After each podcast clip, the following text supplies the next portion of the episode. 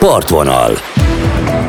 A Spirit FM politikai tolsója Az aktuális közéleti események több szemszögből. A műsorvezető Vogyarák Anikó. Ellenzék vagy kormánypárt? Kicsi vagy nagy, nálunk tényleg mindenki szóhoz jut. Spirit FM 92.9 Köszöntöm Önöket a szerkesztő Szabó Betti nevében is. Klímabajnoknak nevezte a miniszterelnök Magyarországot egy rádióinterjúban. Kanász Nagy Máté az LMP társelnöke lesz a vendégem, megkérdezem tőle, ők hogyan látják ezt. Beszélek vele majd arról, hogy a párt csökkenteni az alapvető élelmiszerek árát, és szó lesz az Aquincumi híd szükségességéről, valamint a szociális bérlakások eladhatóságáról is. Aztán Tüttő Kata főpolgármester helyettest faggatom, például arról, hogy egy friss mai republikonos felmérés szerint a megkérdezettek többsége nem támogatja a Fudan Egyetem építését. Témánk lesz, hogy a főváros mire költött volna a helyreállítási alapból, és megkérdezem azt is, hogy mennyire áll rosszul a budapesti közlekedés, ha forráshiány miatt nem indítanak idén BKV hajókat a Dunán. Kezdünk. Partvonal Kanász Nagy Máté az LMP társelnökkel. Szép napot kívánok! Jó napot kívánok, üdvözlöm a hallgatókat is! Orbán Viktor a Kossuth Rádióban beszélt, szokott beszélni ugye minden péntekenként, amiről mi is előszeretette beszámolunk, de legutóbb beszélt arról is, hogy klímabajnok az ország, és önnek ehhez volt hozzáfűzni valója. Gondolom üdvözítő. Az nagyon üdvözítő lenne, hogyha így lenne, hogyha klímabajnokok lennénk, csak sajnos a helyzet nem ez, hanem talán pont az ellenkezője. Ugye itt pontosan arról van szó, hogy vannak bizonyos Európai Uniós célkitűzések, amiket Magyarország is vállalt hogy a károsanyag kibocsátásunkat hány százalékra kell ugye levinni. Itt különböző számok vannak, 50 százalék, 60-65 százalék. Nyilván az lenne a megfelelő, hogyha minél jobban csökkentenénk. Egyébként az európai zöldeknek ugye egy ilyen radikálisabb javaslata van, de ami most körvonalazódni látszik, az is egyébként csökkentést jelent a magyar értékekhez képest. Amely értékek 2013 óta sajnos folyamatosan növekednek. Tehát amióta Orbán Viktor kormányon van, még az első néhány évben volt valamekkora stagnálás, de azóta igenis a széndiokszid vagy egyéb káros anyag kibocsátása az országnak az nő. És pont, hogy ö, legfőképpen a nagyvállalatok, szennyeznek, multinacionális vállalatok, akiket ugye Orbán Viktor folyamatosan évente 100 milliárd nagyságrendű összeggel támogat, próbál itt tartani, Másrészt pedig egyébként nyilván a, a közlekedésnek vagy a fűtési rendszereknek van károsanyag kibocsátása, a közlekedést ugye lehetne szabályozni például a dugódíjjal, sétálóvezetekkel, a, a vasút fejlesztésével, ez nem történik meg, és a fűtési rendszereket is lehetne korszerűsíteni, hát például Paks 2 árából, az atomenergia nem zöld energia, ezt is itt jegyezném meg, és a miniszterelnöknek is üzenem, hát abból háromszor le lehetne szigetelni az országot és csökkenteni ezt a kibocsátásunkat.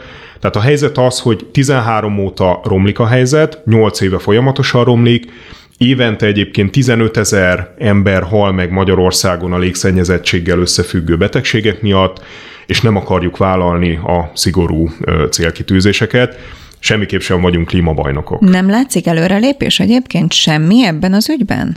Nem látjuk, nem látjuk Hiszen az mondjuk pont, pont Áder János is nagy, hát nem is klímabajnok, de hogy nagy élharcosa a klímaváltozás elleni küzdelemnek. Hát szavak szintjén igen, és egyébként amikről Áder János beszél, célkitűzések vagy témák, azért akkor hagy legyünk picit pozitívak is, az jó dolog, hogy ezeket a témákat ő tematizálja, ami rossz dolog, hogy a kormány nem így cselekszik, és akkor Áder Jánosnak mégis egy kritika, amikor vannak bizonyos törvények a, törvények a parlament előtt, akkor azokat meg lehetne vétózni, visszaküldeni, mondjuk, hogyha a zöld felületeket akarjuk pusztítani, a különböző beruházókat akarjuk támogatni, tehát Áder Jánosnak lenne mozgástere, nem csak szavakban, de tettekben is egyébként.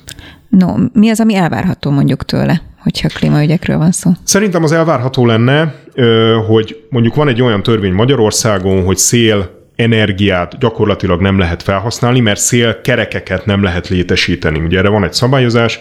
Áder János élhetne egy törvényjavaslattal, nyilván neki, mint köztársasági elnök, ugye a, a, a kormánypárt, aminek ő ugye korábban, hát hogy mondjam, vezető személyisége is volt, hallgatna rá, be tudná azt terjeszteni, tudná azt kezdeményezni, hogy mondjuk a szélenergia, ami tényleg az egyik legzöldebb energiaforrás Magyarországon elterjedjen. Ez az ő lehetősége lenne, ezzel nem él. Ha úgy alakul, hogy mondjuk egy kormányváltás lesz jövőre, akkor mennyiben lesz más a világ klíma tekintetében? Nagyon reméljük, hogy más lesz. Szóval az a helyzet, hogy a világ biztos, hogy más lesz, de rossz értelemben. Mert a klímaváltozás az itt van rajtunk, az ugye az ajtón, hát nem is kopogtat most már dörömből, és folyamatosan érezzük a hatásait. Itt nem csak az éghajlat ö, változására, az időjárás változására, de a mezőgazdaságra, ugye az élelmiszer ö, iparágak átalakulására kell gondolni, tényleg a természeti környezetünkre arra, hogy hát már a mi életünkben gyakorlatilag lakhatatlanná válhat a, a bolygónak ennek a része is, ezt meg kell állítanunk. És vannak olyan lépések, amiket azonnal meg kéne tenni, vannak középtávú lépések és hosszú távú lépések. Például amiről az előbb is beszéltem, az épületek leszigetelése, az néhány éven belül radikálisan csökkenteni a károsanyag kibocsátást. Most gyakorlatilag az történik, hogy orosz gázzal fűtjük a magyar De utcát. erre vonatkozóan vannak is pályázatok, nem? Ilyen felújítási lehetőségek. Ha vannak is pályázatok, érdemes megnézni, hogy ezek mennyire kiterjedtek. Lehet, hogy évente mondjuk ez néhány ezer darab lakást tud érinteni, ez nagyon jó dolog, hogy van, de hát az egész uniós támogatásokat akkor, hogyha erről beszélünk, ilyen irányba kéne átcsoportosítani, ez egyfajta zöld átállás, ami egyébként szomorú, hogy az Európai Unió most a koronavírus válság alatt, ugye ez a helyreállító csomag és a hitelfelvétel, aminek a lehetőségével Magyarország nem élt, ez egy vitatéma. Szerintünk rossz, hogy nem élt, mert pont, hogy lehetne ilyen célra is forrásokat szánni. Tehát ezek ezt az átállást tudnák szolgálni, és ott vannak az állami források, állami támogatások. Most például ugye saját erőből, tehát nem uniós pénzből, hanem magyar költségvetési forintból támogatjuk a szennyező nagyvállalatokat, konkrétan ez történik. Fontosabb az, hogy a, multik járjanak jól, mint az, hogy mondjuk a kis és közepes vállalkozások, akik ugye kevésbé szennyezőek, mint a nagyvállalkozások. No hát, ha megengedi, akkor ugorjunk tovább újra benyújtotta az LMP költségvetési módosító javaslatát, hogy 5%-ra csökkentsék az alapvető élelmiszerek áfáját. Miért? Igen, ugye az LNP Magyarország zöld pártja, mint zöld párt, ugye alapvetően nem a fogyasztás növelésében ö, érdekelt, ez való igaz. De vannak olyan fogyasztási termékek, amik alapvető fogyasztási cikkek, és az emberek alapvető megélhetését szolgálják.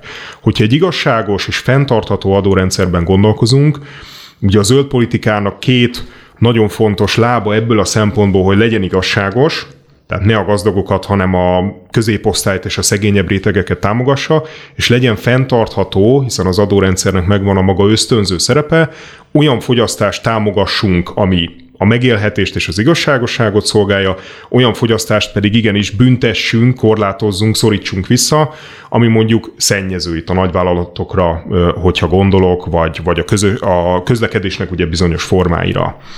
És ebből a szempontból az alapvető élelmiszerek áfa csökkentése az indokolt, hiszen Magyarországon a legmagasabb ezeknek az áfa kulcsa, 27%-os még mindig, ezt le kéne vinni 5%-ra, ez igazságos lenne, és természetesen emellett vannak olyan fogyasztási formák, aminek a többlet adóztatása abszolút igazságos lenne, és környezeti szempontból is indokolt lenne. Ez mindig örök kérdés szerintem, hogy mondjuk egy ilyen áfa csökkentésnél én, mint vásárló éreznék ebből ön szerint őszintén bármit? Vagy benyelné ugyanúgy az, aki Vannak erre vonatkozó nekem? példák.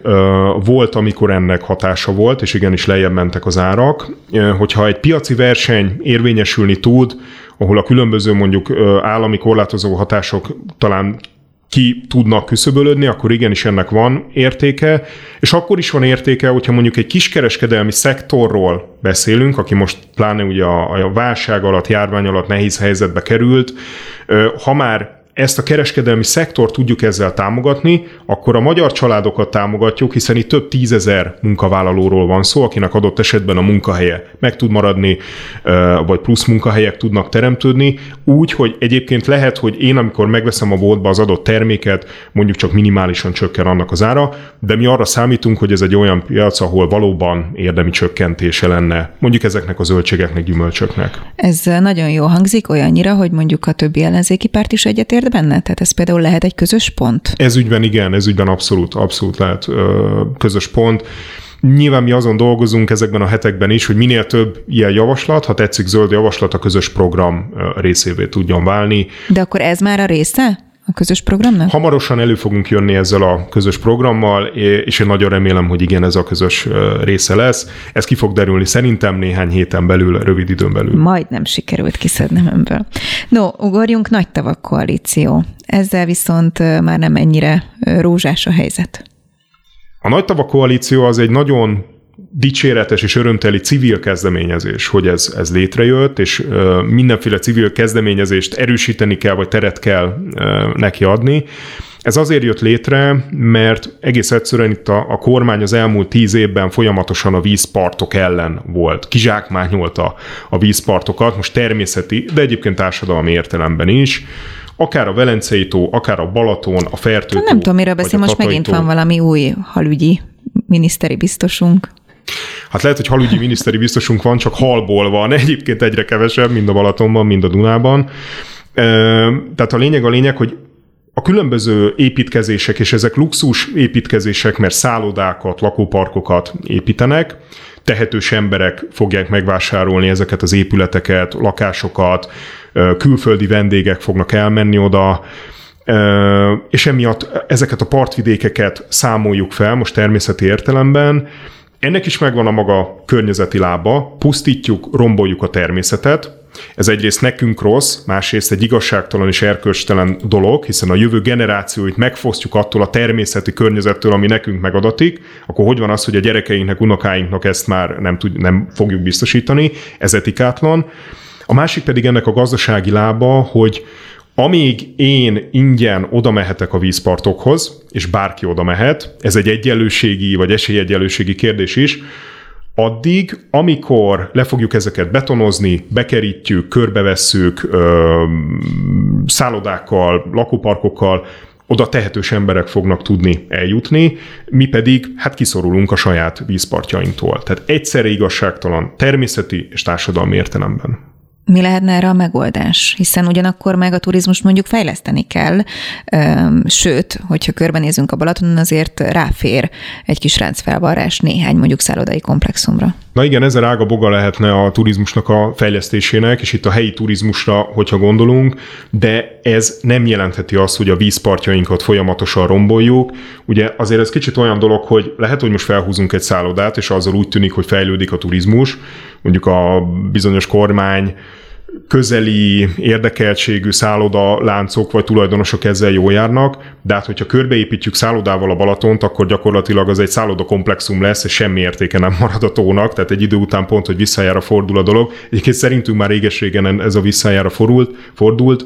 A megoldás az a beépítési stop, az, a, az, az annak a kiterjesztése, hogy mondjuk a vízpartokra nem lehet építeni, nem lehet terjeszkedni, de legalább annak a lehetővé tétele, hogyha ott van egy közösség, van egy település, egy önkormányzat, akkor népszavazást lehet kiírni és meg lehet akadályozni. Ugye például most a Tatai tónál azt az építkezést, amit ott a KDNP és polgármester folyamatosan erőltet, azt lehessen megakadályozni polgári kezdeményezéssel, népszavazással. Hát az is a zöld politikának egy alapelve, hogy semmit rólunk nélkülünk, helyi ügyekben a helyi lakosságot meg kell kérdezni az alapvető. Böröc Lászlónak volt ugye egy törvényjavaslata a minap, amely hát nagy visszhangot váltott ki. Szerintem kb. mindenki megszólalt nagyon sokan inkább a többség így fogalmazók ellene, ez ugye a szociális bérlakásoknak a megvásárló hatósága lenne, amelyet azzal indokolt a Fidesz, hogy hát nagyon sokan bennélnek több tíz éve ezekben a szociális bérlakásokban, és akkor végre lehetőséget kapnának arra, hogy a piaci ár töredékért, akár 15%-áért megvásárolhassák. Az LMP is elmondta akkor a fenntartásait ezzel kapcsolatban. Most ugye úgy tűnik, hogy módosulhat. Ez szűkítették a kört, Böröc László azt ígérte, hogy akkor innentől kezdve mondjuk majd csak olyanok vehetik meg, akik legalább öt éve benne laknak, és csak a világ örökségi épületekre vonatkozzon. Akkor ez így rendben van? Nem, ez nincs rendben, és az nagyon nincs rendben, hogy tehát azért tényleg az a helyzet, hogy mi olyanok vagyunk, mint a békák a lábosban, ami, aminél ugye folyamatosan melegítik a vizet, és egyszer csak fel fogunk forni, és most annak örülünk, hogy még nem jött el ez a forráspont, csak egy picit lesz melegebb. Most ha ezt lefordítom az önkormányzati bérlakás szektorra, Hát ugye itt az történt, hogy a 90-es évek legelején, 93-4-ben a települések elveszítették a, a lakásaikat, ugye megtörtént a lakásprivatizáció, ezáltal. Hát gyakorlatilag az önkormányzati lakáspolitika, mint olyan, annak a lehetősége, hogy fiataloknak, bajba lévő családoknak, pályakezdőknek, mondjuk devizahiteleseknek, munkanélkülieknek, hajléktalan személyeknek, stb. stb. segítséget tudjanak nyújtani a települések, hát ez gyakorlatilag elveszett. Ugye most jelenleg Magyarországon mondjuk százból kettő-három lakás van állami önkormányzati tulajdonban, a 90 százalék magántulajdon, és a néhány százalék ugye piaci albérlet, ami mondjuk itt Budapesten, nagyvárosokban szintén megfizethetetlen középosztálybeli vagy szegényebb családoknak.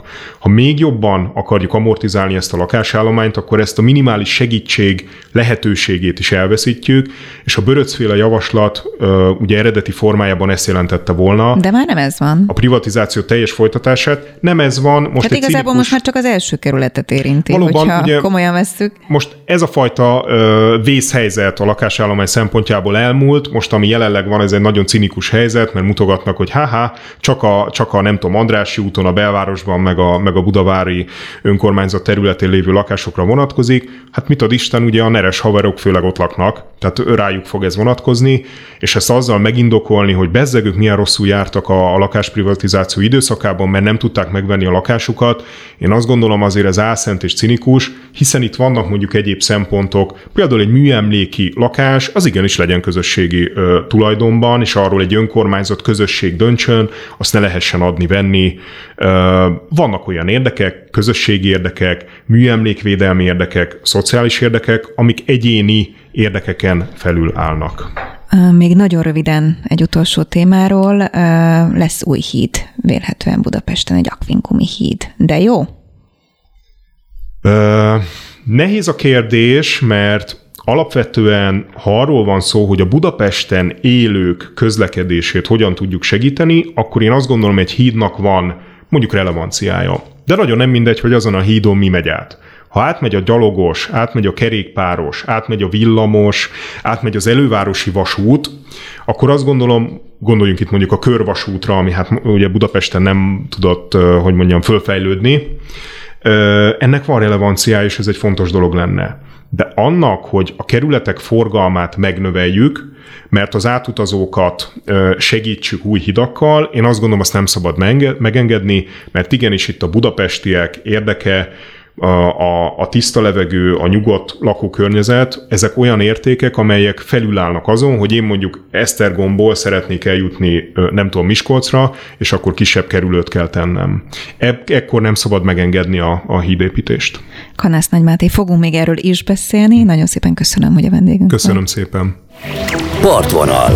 A mikrofonnál Vogyarák Anikó és Tüttőkatát főpolgármester helyettest köszöntöm a stúdióban. Szép napot kívánok! Szép napot kívánok mindenki. És ha nem haragszik, csapjunk is bele, mert Jó. rengeteg téma van, amit, amit át kell vennünk. Kezdjük talán most a legaktuálisabbal, vagy aminek aktualitást ad, hogy a Republikon Intézet készített egy felmérést Fudánnal kapcsolatban. Ez egy nagyon friss mai felmérés, és képzelje el, az derült ki belőle, hogy általában egyébként az emberek tudják, hogy mi az, hogy Fudán. Ez már furcsa mondjuk, tehát valószínűleg benne van a közbeszédben. És az is kiderült, amikor megkérdezték őket, hogy támogatják vagy nem támogatják ezt az egyetemet, hogy inkább nem támogatnák az emberek. Több mint 60 uk nyilatkozott úgy egyébként, hogy, hogy nem támogatna egy ilyen egyetemi kampuszt. No most mi? a helyzet, hiszen egyfelől szükség van rá, azt mondja a kormányzat, hogy ez egy nagyon modern, lehetőségekkel teli vállalkozás és egyetem lenne a főváros szempontjából is. Nem így van? Ugye nagyon érdekes, mindig visszamegyek a KH-hoz, tehát a 2019-es önkormányzati választások után Magyarország miniszterelnöke arra tett ígéretet a budapestieknek, meg a, a választóknak, hogy nem fog semmi épülni Budapesten, ha azt mind nem akarjuk. Ugye ezt az ígéretet tette a Városliget kapcsán, ezt az ígéretet tette az olimpia kapcsán, és egyébként minden jövőbeli beruházás kapcsán, és azt ígérte, hogy nélkülünk nem fog rólunk dönteni. Ehhez képest folyamatosan az ellenkezője történik, akár a Városliget, akár az olimpia, és most ennek az egyetemnek a tervei is ugye úgy kerültek be, tehát nem elég, hogy velünk való egyeztetés, konzultáció, beszélgetés nélkül, hanem hogy a miniszterelnök a saját ígéretét abban is megszegte, hogy oda egy diákvárost képzeltünk el együtt. Abban megállapodtunk, hogy arra a területre egy diákváros épül, és egy erdő épül, hiszen nagyon-nagyon kevés a budapesti zöld felület, körülbelül ötször ennyinek kellene lennie, hogy egészségesebben, jobb levegőjű városban tudjunk élni, és most látjuk a pandémia után, hogy milyen jelentősége van egyébként annak, hogy legyen sok zöld felület, zöld közösségi tér, mert a biztonságos közterület és egészséges közterület fogalma egyszerűen átalakult. Hiány van zöld közterületekből. Mi történt az egyetem ügyében? Az derült ki, hogy a velünk, mi nem tudtunk róla, egy olyan területre akarja építeni, döntötte el. Tehát ez nem, nem, nem bejelentette egy tervet, hanem eldöntött valamit, és utána kinyilatkoztatta. Egy olyan területre, amiben már megállapodtunk, hogy magyar diákoknak épül lakhatás gyakorlatilag, és erdő épül, tehát ennek a területnek a helyére építik, és ugye azért, ami fájó nem csak a budapestiek számára, hanem az egész ország számára, hogy mindezt kínai hitelből. Tehát miközben a kormány az egyik kezével éppen félrelökte az Európai Uniós nagy közös, gyakorlatilag visszafizetendő támogatást, itt 3000 milliárd forintról van szó, azt mondtak, aminek gyakorlatilag nincs kamata, és 30 év alatt kell visszafizetni. Arra azt mondta a kormány, hogy azt köszönöm szépen, azt nem kérem, nincs rá szükségünk, de épül egy egyetem, a budapestiek beleegyezése, sőt, most már ugye látszik, hogy az akarata ellenére úgy, hogy mi fizetjük az egészet, és egy olyan hitelből, ami sokkal rosszabb, mint amit az Európai Unió adna bármire, akár zöld felületre, akár budapesti lakhatásra. Füriás Balázs tegnap az Egyenes Beszéd című műsorban úgy fogalmazott egyébként, hogy 2024-ig nem lesz itt egy kapavágás sem, hiszen egyelőre még úgyis tervek készülhetnek, meg mindenféle majd megállapodások, stb.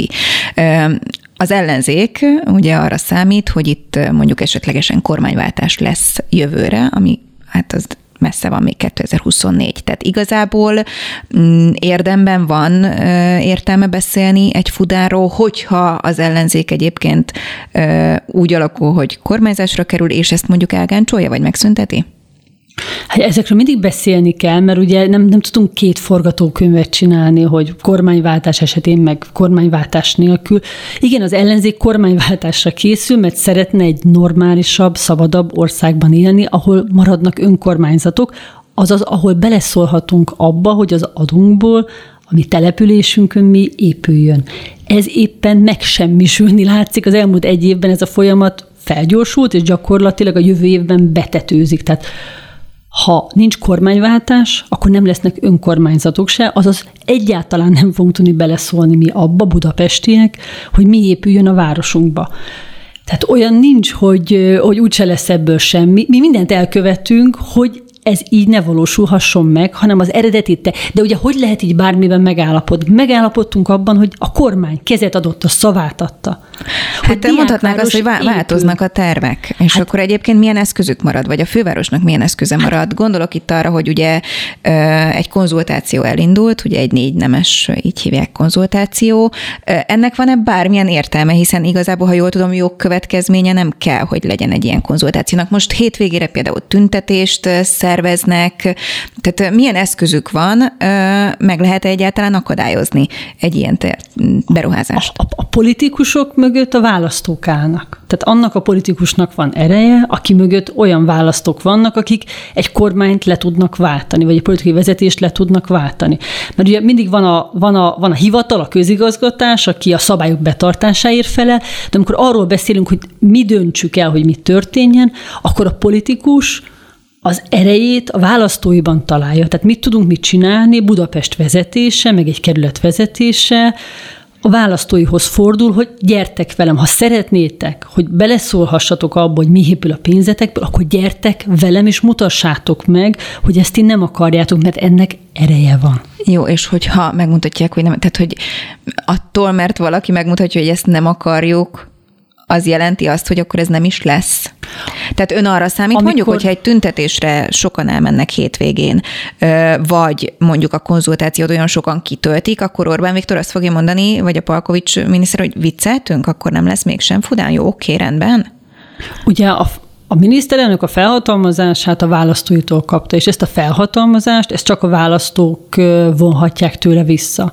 Ha folyamatosan azt tapasztaljuk mi, mondjuk én nem szavaztam rá, de akik rászavaztak, hogy nem mond igazat, becsapja azok, tehát azokat az ígéreteket, amiket tett, nem tartja be, becsapja a választóit, és figyelmen kívül hagyja azt, hogy mit akarunk mi, akik felhatalmazást tudunk adni egy vezetésnek, annak szerintem van, és kell is legyen következménye. Egy választáson mindenképpen. Mm, azt látjuk, szerintem így újságírók, és gondolom civilek is, hogy, hogy azért, hogyha valamit szeretne, azt keresztül viszi a kormányzat. Például, és akkor át is csapnék ezzel a frappáns átkötéssel a bérlakások helyzetére. Arról volt szó, ugye, hogy az önkormányzati bérlakásokat meg lehet majd vásárolni azoknak, akik benne laknak, hogy ugye aki 30 éve mondjuk bérel önkormányzati bérlakást, az végre hozzájuthasson nagyon jutányos áron.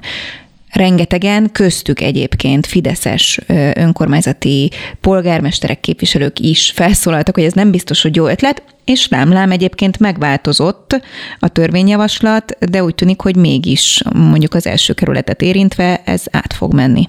Mi a ha jól értem, véleménye? azért, hogy Bajer Zsolt megvehesse a lakást fillérekért, tehát azért, hogy Bajer Zsoltnak adjon a miniszterelnök egy több tízmillió forintos támogatást a mi pénzünkből, ezért csináltak egy törvényjavaslatot. Tehát sok érdekes dolgot láttunk már, de azért ez még nálunk is, azt mondtuk hogy ez erre nem, mindig van lejjebb. Tehát, Böröc László erre azt mondta, az ő szavaival fogok élni, hogy hát ez nem arról szól, hogy Rákai Filip és Bajer Zsolt, ő ezt a két nevet említette, megvehesse a saját lakását ugye a várban, mert benne lesz egy olyan kitétel egyébként, hogy öt éven túl kell, hogy valaki bérelje, hogy megvásárolhassa. De ez a kitétel nincs benne. És ma volt gazdasági bizottsági ülés, ma lett volna lehetősége akár az előterjesztő Böröc úrnak, akár bármelyik képviselőtársának, hogy benyújtson egy módosító indítványt. Az ellenzéki képviselők egyébként nyújtottak be módosító indítványt, ezeknek a sorsa, ez a szokásos sorsa, de hogy nem jött ilyen módosítás, tehát beszélnek valamiről,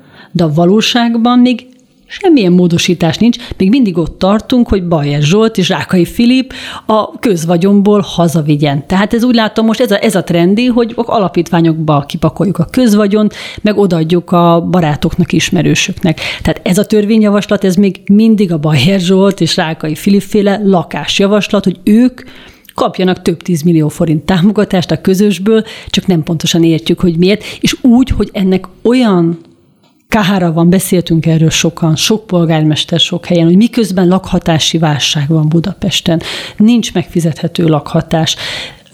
Az önkormányzatok rengeteg saját forrást költöttek arra, hogy legyen bérlakásrendszer, és mi is folyamatosan abban gondolkozunk, hogy ezt hogy kellene bővíteni. Ezt egy Bajer Zsolt miatt így tönkretenni, összetörni, széttiporni, olyan károk, tehát mindig, mindig az fáj igazán nekünk, amikor val, azért, hogy valakinek odadjanak valamit, azért elképesztő károkat okoznak az egész. Meg lehet ezt akadályozni? A főváros mit tud tenni? Hát a főváros gondolkozik, és figyeli a folyamatokat, és igyekszünk megvédeni a közvagyont. Ennyit pillanatnyilag itt tartunk. De hogyan? Hát meg kell várjuk a törvényjavaslatot. Ugye konkrétan azzal tudunk mit kezdeni, ha van egy kihirdetett végleges törvényjavaslat. Ma még nem, nincs bent módosító indítvány, bár beszélnek róla, meg kell várjuk. Nyilván az ellenzék, a képviselők, az körzetben megválasztott képviselők nyújtottak be módosító indítványt, még ezeknek a sorsát is megvárjuk. Jó, akkor ha megengedi, ugrok tovább. A koncesziós iroda. Egy napokban előkerült hír szerint a világgazdaság számolt be róla egyébként, hogy a magyar közrönyben megjelent egy kormányrendelet, és ez azt jelenti, hogy a hulladékgazdálkodásnak koncesziós rendszerben kell majd működnie. Megteszi, hogy elmagyarázza, Igen, hogy ez mit jelent? elmagyarázom. Ugye mi történt? A hulladékgazdálkodás az korábban önkormányzati feladat volt. Budapesten is ezt szerintem egész jól mm, tudta mindenki, hogy van a fővárosi közterület fenntartó, ő rakja ki a kukákat, neki kell fizetni a személydíjat, ezért cserébe az FKF elviszi a szemetet, és utána azt kezeli, lerakja lerakóba, hasznosítja a hulladékhasznosítóba, termel bele energiát, áramot. Na ez megváltozott egy néhány évvel ezelőtt az állam úgy döntött, hogy a személydíjat már nem én, nem a fővárosi közterület fenntartó, az FKF szedi be, aki a munkát elvégzi, hanem az állam szedi be. Létrehozták ezt a Kuka Holdingot, ennek csúfoljuk van rendes neve, de senki nem tudja. Tehát létrehozták ezt a Kuka Holdingot, aki mindenhol beszedi a személydíjat. Tehát én, mint budapesti lakos befizetek személydíjat, ezt a Kuka Holdingnak fizetem be, nem az FKF-nek, aki a munkát elvégzi önkormányzati tulajdonú FKF elviszi a szemetet, és várja, hogy azt a személydíjat, amit mi budapestiek befizettünk, ezt megkapja. De ezt a személydíjat nem kapja meg. Erről beszélünk kettő éve most már folyamatosan, hogy a általunk befizetett pénzből, amit budapestiek mi befizettünk, azért, hogy elvigyék a szemetünket, abból 5 milliárd forintot megtart magának az állam.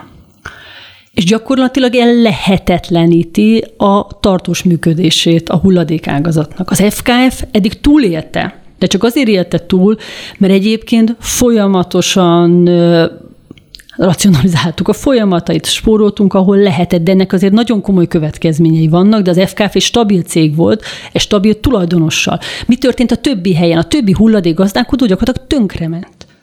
Az állam évente több tíz milliárdot kell, hogy ebbe a feneketlen zsákba beletoljon, 50 milliárdról beszélünk évente, amit az állam beletol abba, hogy vidéken ne omoljon össze a hulladékgazdálkodás. És a mi budapestiek által befizetett szemédíjunkból, ami nem adó, szeretném jelezni, hanem szemédíj, hogy elvigyék a szemetünket, fizetik a vidéki szolgáltatók veszteségét. És a kormány úgy döntött, miután ez a rendszer összeomlott, és nem működik, és rengeteg pénzt kell beletenni, hogy jó, akkor az egészet elvonja. Tehát az egészet államosítja. Akkor nem maradnak most már helyi szolgáltatók, hanem azt mondja, hogy úgy államosítja a teljes szemét, gyűjtést, kezelést, hogy az övé minden, és utána ezt ő rábízza egy piaci szereplőre, egyre.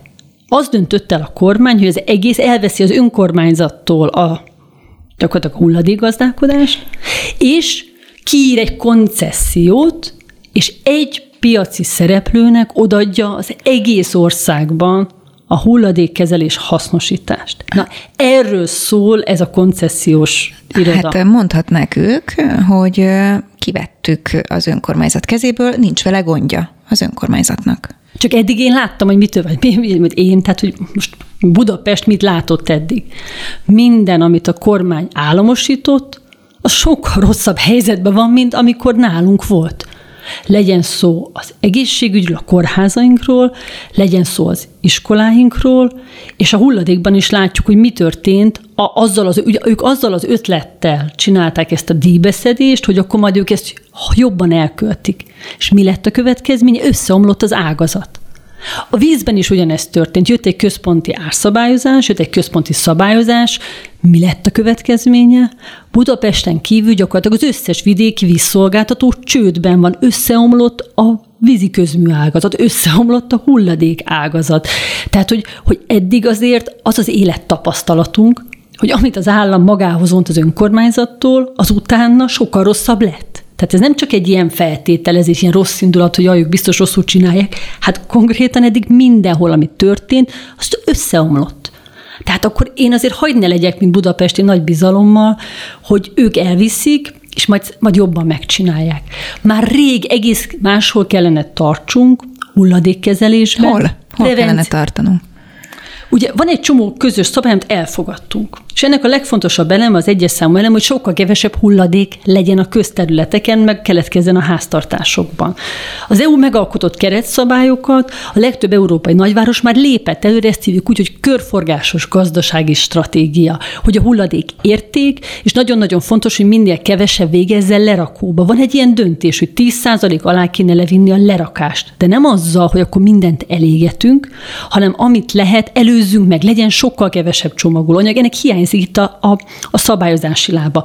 Ami van, két milliárd PET palackról beszélünk egy évben, kettő milliárdról. És ennek a visszagyűjtés aránya nagyon-nagyon rossz. A, gyakorlatilag az egészet egy jó betédias rendszerrel vissza lehetne venni. Ugyanez van a fémdobozoknál is. Külön kellene már gyűjteni mostanra a biohulladékot. Itt azért egy olyan árszabályozást alakítottak ki, ami a, a, a, a, amitől ilyen igazi szomorúság fog el. Hogy azért úgy, úgy, úgy kaptuk meg ezt a hulladékgazdálkodást, hogy miközben mi összeszedjük a zöld hulladékot, a laká háztartásoktól összeszedjük zsákokba, mindenki ismeri, elvisszük, lekomposztáljuk, majd utána olyan az árazás és olyan a szabályozás, hogy jobban megéri a lekomposztált zöld hulladékot elégetni a Mátrai erőműbe, Mészáros Lőrincnél, mint, mint, mint kivinni a szántóföldekre és hasznosítani. Tehát ami itthon van, az egy ilyen igazi kártékony rendszer, és eddig akárhányszor belenyúltak, attól nem jobb lett, hanem rosszabb. Egy esetleges kormányváltásnál hogyan lehetne ezt megoldani? Hát nyilván ezt át kell gondolni. Én nem hiszek az államosításban, én nem hiszek abban, hogy mindent központilag kell eldönteni, az önkormányzatokat kell megerősíteni, és vissza kell adni az önkormányzatoknak a pénzük egy részét és a feladataikat, mert egyszerűen jobban meg tudják oldani. Ugorjunk egyet a helyreállítási alapkérdésére. Itt ugye az elmúlt napokban, hetekben is komoly hát szócsoták voltak. Például Karácsony Gergelyt azzal kritizálták a kormány oldalról, hogy ő SMS hosszúságú történetben próbálta megfogalmazni azt, hogy a főváros mire költene, vagy mire fordítaná a helyreállítási alapnak egy részét. Itt szó volt arról, hogy egyébként fonódó villamos, vagy nagyobb zöld terület. Mi a probléma a mostani tervekkel? Ugye kettő. Egyrésztről a magyar kormány a mi beleegyezésünk nélkül azt mondta, hogy ennek a csomagnak ugye két része van, amit az Európai Unió összerakott, a tagállamok közösen, mert ezt mi közösen raktuk össze. Van egy támogatás, ami ott marad, meg van egy visszafizetendő támogatás. Ez a hitelrész, de annyira kedvezményes, hogy gyakorlatilag ez egy olyan támogatás, amit majd egyszer vissza kell fizetni.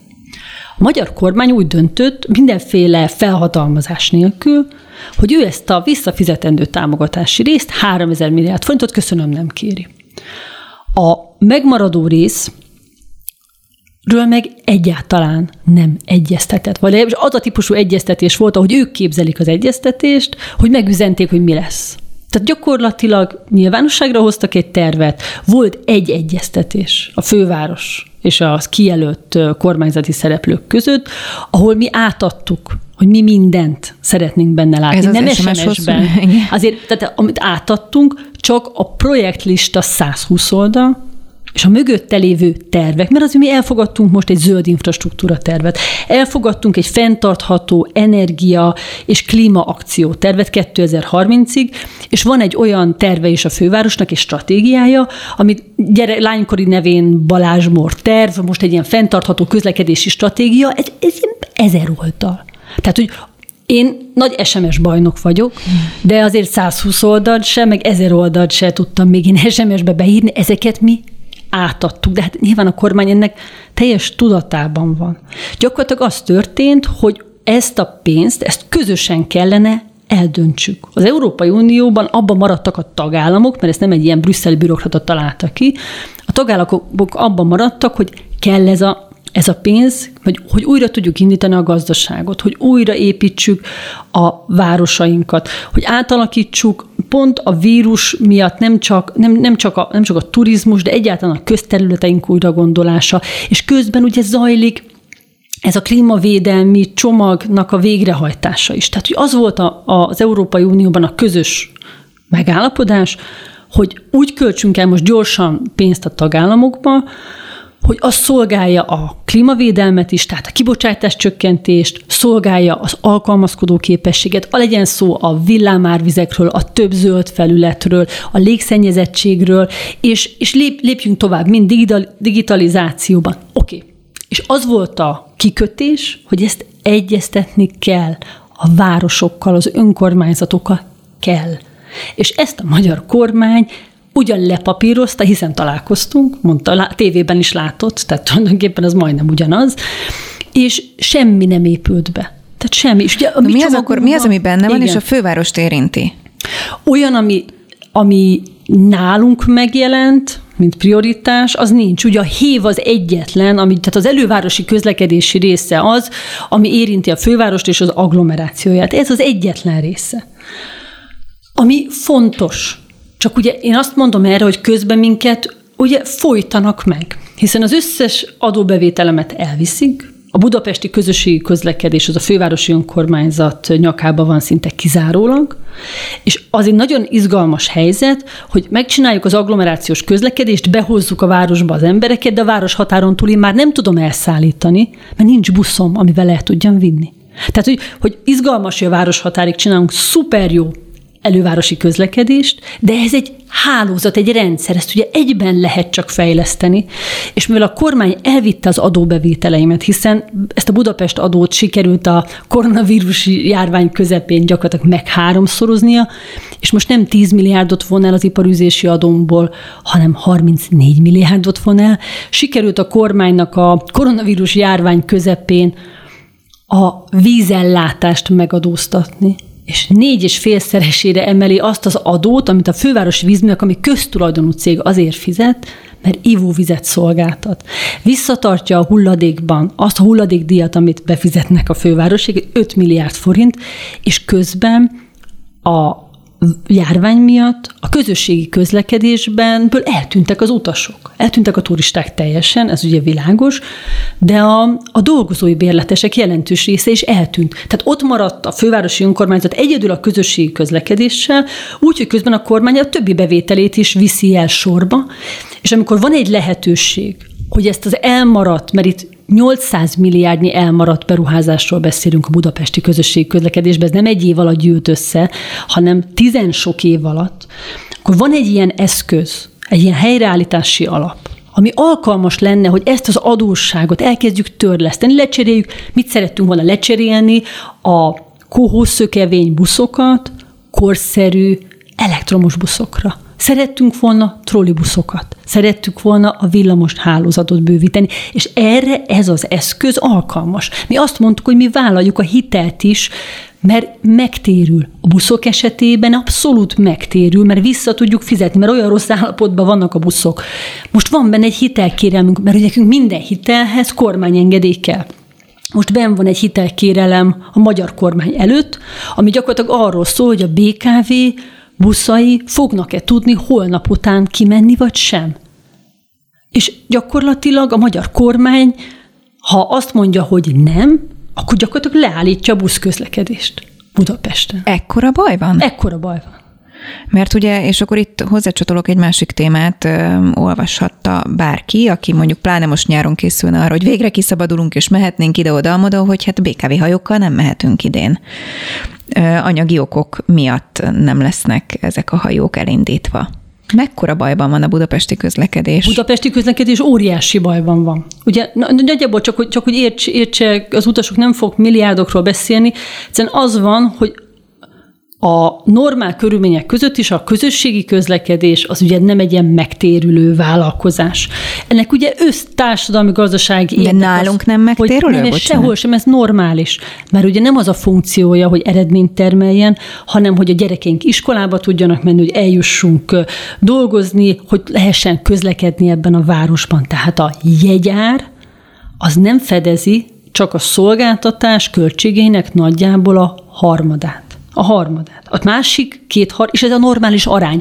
Ez így működik Bécsben, sőt, ott talán még alacsonyabb, meg így működik Amsterdamban, Tallinnban ingyenes a közösségi közlekedés. Mert nem az a feladata, hogy eredményt termeljen.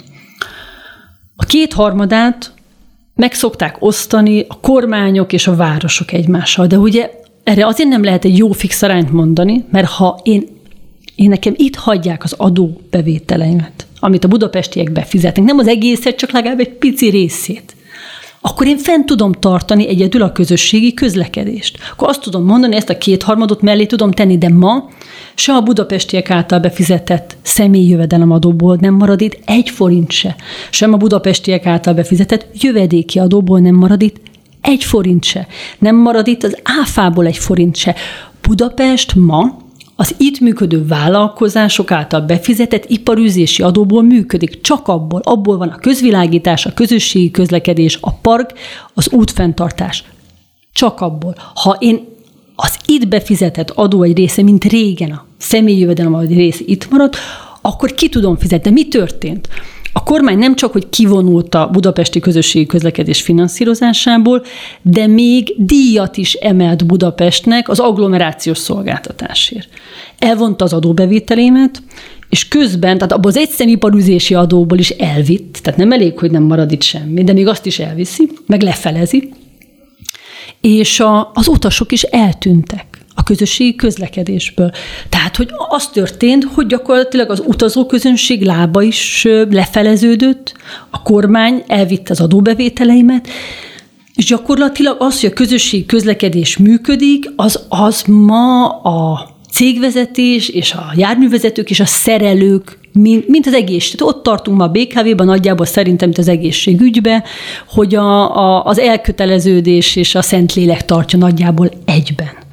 De hogy ez már nem visel el traumát, amikor, amikor a hajó, igen, a hajó közlekedés. Lesz is, meg nem is. Mert lesz hajós közlekedés Budapesten, mert ezt a feladatot most átmenetileg a Mahart fogja ellátni és úgy, hogy nekünk nem kell érte fizetni. Mert ez a szolgáltatás, hogy a BKV hajóit tehát üzemeltetni ezt a menetrend szerinti közlekedési járatot, ezért a BKV fizetett évente 350-400 millió forintot. És eltűntek a turisták, és gyakorlatilag ma a pénz arra kell, hogy azok buszok reggel el tudják hagyni a szervizgarást, és talán beérjenek a célba. Viszont a Maharta kötöttünk egy megállapodást, ami két dologról szól. Egyrésztről lesz egy hajó közlekedés a láncid lezárásával egy időben a két part között, hogy egy ilyen hajóval is lehessen közlekedni. Másrészt a Mahart indít egy járatot, ami majdnem lefedi a korábbi BKV-s járatot úgy, hogy érvényes lesz rá, ha nem is hétvégén, de érvényes lesz rá a bérlet. Tehát, hogy lesz hajó, aki szeretne hajózni, fog tudni, bérlettel fogja tudni használni, de a közösségi közlekedési büdzsét ez most nem fogja terhelni. Említette, hogy ugye most egy hitelkéremet adtak be Mekkora hitelről van szó, és mire fordítanák, illetve hogyha nem kapják meg, akkor várható, hogy további leállítások lesznek, vagy járatritkítások? Ugye úgy néz ki, hogy a budapesti közösség közlekedésben csak a BKV-t mondom ma, mert ugye van más operátor is. Évente kb. 100 buszt kellene venni. Na most ez az elmúlt öt évben sem sikerült, tehát hogy eleve úgy örököltük meg a, a budapesti közösség közlekedést, hogy hiányzott belőle 380 busz, amit azonnal le kellene cserélni. Na most ugye miből tud a BKV buszt vásárolni? Vagy az adóbevételekből, amit elvontak, vagy ugye azonnal egy hit, hitelből. A főváros összerakott egy hitelcsomagot az Európai Beruházási Bankkal, amiben lett volna egy buszrész. Erre a magyar kormány azt mondta, hogy nem vehetünk föl hitelt. Ezért a BKV most maga rakott össze egy hiteltendert, ez kereskedelmi hitel, ami arra szolgál, hogy a legkritikusabb állapotban lévő buszait lecserélje. Tehát, hogy megpróbáljuk magunkat kihúzni a mocsárból, de a, a magyar kormány hagyhatja jóvá, és a magyar kormány azt mondja, hogy nem engedi a BKV-nak ezt a hitelfelvételt, annak a következménye az, hogy olyan állapotú buszok mennek ki egyre nagyobb számban az utcákra, amik nem élik meg a nap végét. Tehát amikor látunk villogós, lámpás BKV buszt állni a megállóba, akkor, akkor ne haragudjunk, mert nem az van, hogy mi nem fizettük be az adót és ezért nem működik, hanem mi befizettük az adót, csak ezt a pénzt elvitték, ahelyett, hogy egy működő közösségi közlekedésre itt Ez hagynák. mit jelent annak, aki BKV-val jár? Azt fogja észrevenni, ha nem kapja meg a hitelt a BKK vagy BKV, ugye mi még Igen. így hívjuk. BKV, hogy, mert ez a BKV-ról BKV, most. hogy innentől kezdve ritkábban jönnek majd a buszaim, mert az öregeket, az előregedetteket mondjuk ki kellett vonni, vagy, vagy mondjuk ez a járat megszűnik, tehát aki BKV-val jár, azt, az mit lát? Azt veheti észre, hogy sajnos be kell állítani például olyan buszokat, ami nem klimatizált nyáron. Például ezt észreveheti. Azt is észreveheti, hogy, és mindent el fognak követni a BKV-s kollégák, hogy ez ne történjen meg, és a szerelők is, hogy kimaradhatnak járatok, mert robban a busz. Mert ugye, mert egyébként nonsens, tehát, hogy mi minden, összeraktunk rengeteg csomagot arra, hogy ezt megoldjuk. De a kormány mindenre azt mondta, hogy nem, mert abban a percben, hogy Budapest, úgy lát, olyan Budapest fóbiája van a miniszterelnöknek, hogy, hogy magának, tehát az egész városnak okoz olyan károkat. Tehát én azt nem értem, hogy itt milyen olimpiai álmok vannak, amikor gyakorlatilag a budapesti közösségi közlekedés is az összeomlás határán van, műszaki okokból. No, ha már közlekedés, akkor lesz Angelért sikló, vagy nem lesz? Én nagyon szeretném, hogy legyen. És ugye ez egy nagyon érdekes helyzet, mert a magyar kormány is azt nyilvánította ki, hogy legyen a fővárosi önkormány. Végre egy egyetértés. Igen. Nem igen. A, a végrehajtás nagyon nehéz, mert amikor a kormány azt mondja, hogy ő átvállal a feladatot, már pedig a magyar kormány a Sikló esetében hozott egy kormány határozatot. Leültünk tavaly nyáron, és abban maradtunk, hogy a siklónak meg kell épülnie, mert ez egy közlekedési beruházás, ami sok turista buszt vált ki a Gellért hegyre. És ez egy sokkal környezetbarátabb megoldás, szeretnénk mind légszennyezettséget csökkenteni. És abban is maradtunk, hogy mivel ez egy nyereséget termelő beruházás, ezt látjuk a Budavári siklónál, hogy ennek az eredménye fontos, hogy a közös kasszába maradjon, tehát ne, ez egy, ne egy magánszereplőt gazdagítson, hanem a várost vagy az államot, és ennek az eredményét, ezt fordítsuk parkokra, zöld felületfejlesztésre, természetvédelemre, kötöttünk egy ilyen meg, le, leírtuk. A kormány hozott egy határozatot, hogy ad pénzt a Budapesti Fejlesztési Központnak arra, hogy akkor ennek a tervezése és az előkészítése induljon meg. Ez tavaly megtörtént. És azóta nem történt. Semmi. Hát pandémia volt, nem? Hát én értem, de közben azért egyetem, meg minden más, az abba sikerült megállapodást tenni.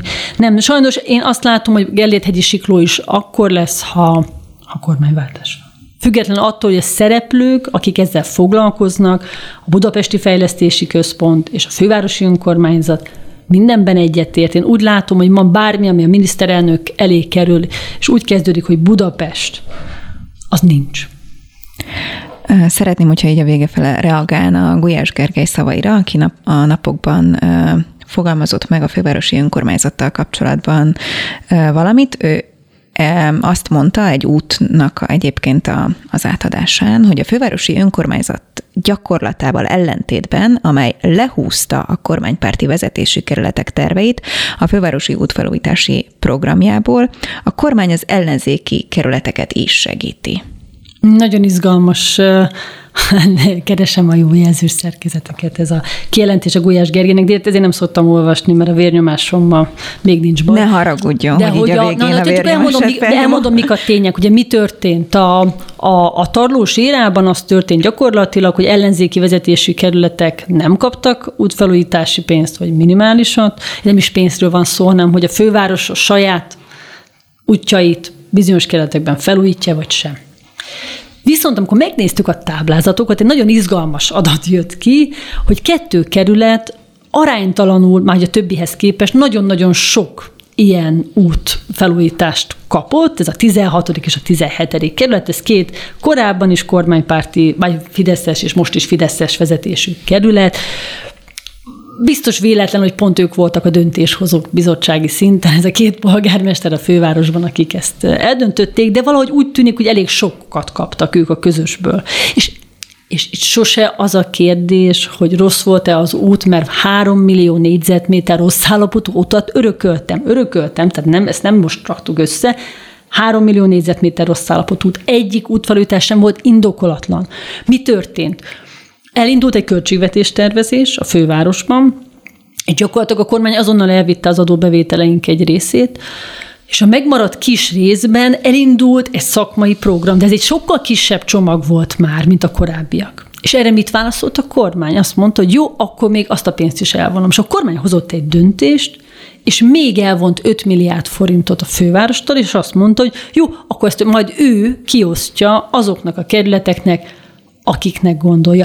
Tehát azért, azért, azért, azért nagyon tisztességtelen az egész felvetés, mert én ma a délelőttömet azzal töltöttem, hogy megmentsek egy 17. kerületi sok milliárdos csatornázási programot. Hát ez, ez egy fideszes vezetésű kerület, de nekem tök mindegy, hogy milyen vezetésű. Budapest, Budapest egy egységet alkot, egy hálózatot, teljesen mindegy, milyen vezetése van. Én az időm egy jó részét azzal töltöm, hogy megmentsek programokat a kormányjal együttműködésben, amik mindegy, hogy szocialista, momentumos vagy fideszes vezetésű, mert Budapesti nincs ennek színe.